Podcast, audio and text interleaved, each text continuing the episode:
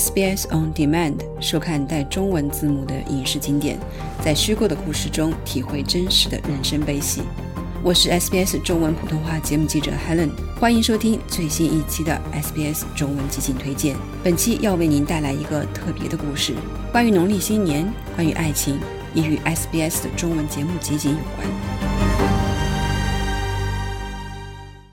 农历大年初一，我有幸前往维州的偏远城市 Bendigo，报道当地的龙年新年庆祝活动。在现场，我采访到了一对跨族裔的伴侣，来自中国贵阳的宋女士与澳大利亚本地人 Louis。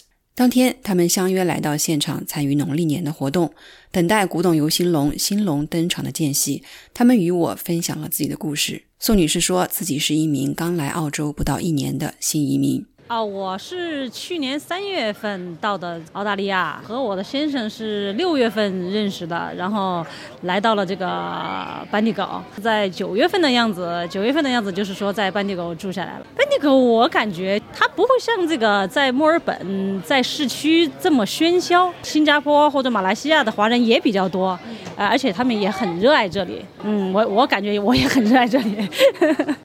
宋女士透露，是她的先生路易斯带她来金龙博物馆看展，才让她得以了解到本迪哥当地有如此深厚的华人文化。我不知道这里有，是我的先生带我来参观啊，我才看到说，我说这里的龙确实和中国还是有点不一样。今天我也很期待嘛，毕竟是呃新移民，然后嗯在这边朋友也不是很多，家人也没有在，今天有这么一个活动，感觉还是怎么说呢，挺激动啊，也很期待，就觉得哎呀有很有归属感吧，就是很想家，这个是肯定哈。就是第一次来，呃，有有点激动啊，有点感慨。然后能在这个班迪狗，然后今天又能看到舞龙，又能看到这么多中国人，而且穿的服装上面又写的有中国字，倍感亲切，就是有这种感觉。最起码就觉得，虽然人在海外，但是说有这么多共同的东西，就觉得挺好的，就觉得不孤单。而从阿德莱德搬来 Bendigo 数年的 Louis，对当地的丰富文化感到十分骄傲，且也希望为宋女士一解思乡之情。Because I wanted to show her that there's a lot of Chinese people in Bendigo, a lot of Chinese heritage, so she'd like it. So I thought, no, come and have a look at this. This is really good. And I told her we have the biggest dragon in the world, but he's retired. But um, but she hasn't seen the Chinese festival at Easter yet, which is just brilliant. So I thought, you know, come and have a look at this. So that way you won't feel like you're out in a foreign country not knowing anything or anyone. It's good, part of your own culture here. 美食是农历新年必不可少的话题。路易斯和宋女士两人在大年三十通过吃中餐、看中国春晚来庆祝新年，而路易斯对于吃鱼的习俗尤其十分好奇。And last night I went and got fish because she said we have to eat fish today, so I went and got fish and I said to you, you said, where's the fish? I went, oh, I forgot. No. And I trick you and I bring the fish in and we have fish last night. Yeah. Beautiful. But she loves our Australian food. She loves me cooking Australian food. She absolutely loves meat pies and the food that I cook. I love Chinese food, so it's really confusing. 鱼一般我们都是年年有余的意思嘛。我的祖辈，我的姥姥是从这个东北资源三县到的贵阳，但是我们，呃，我是土生土长的贵阳人，但是年夜饭三十还是保持吃饺子的传统，就是说，相当于有点南北结合，就是南方的一桌菜有鱼，必须有鱼有虾，就是蔬菜就是各种各种菜，但是必须有饺子。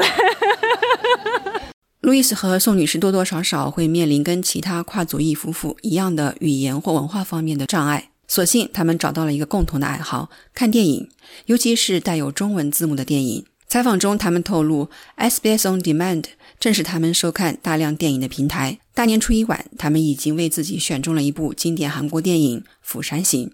他很喜欢看电影，然后。呃，有的时候，因为我们俩虽然结婚这么长时间，但是很多重要的就简单的我能听得懂，但是一些东西我们也要靠那个翻译软件。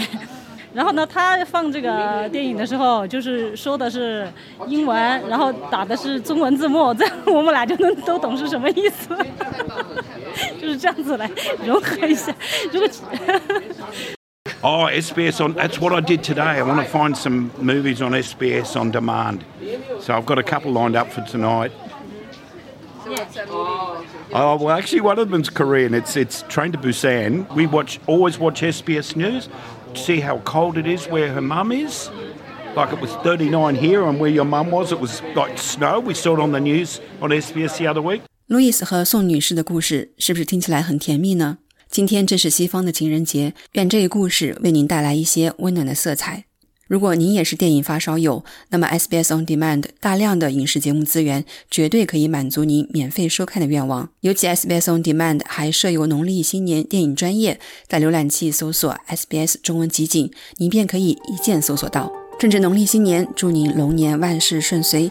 不要忘记通过 SBS 的多平台内容共庆农历龙年。我是记者 Helen，下月 SBS 中文集锦推荐，再会。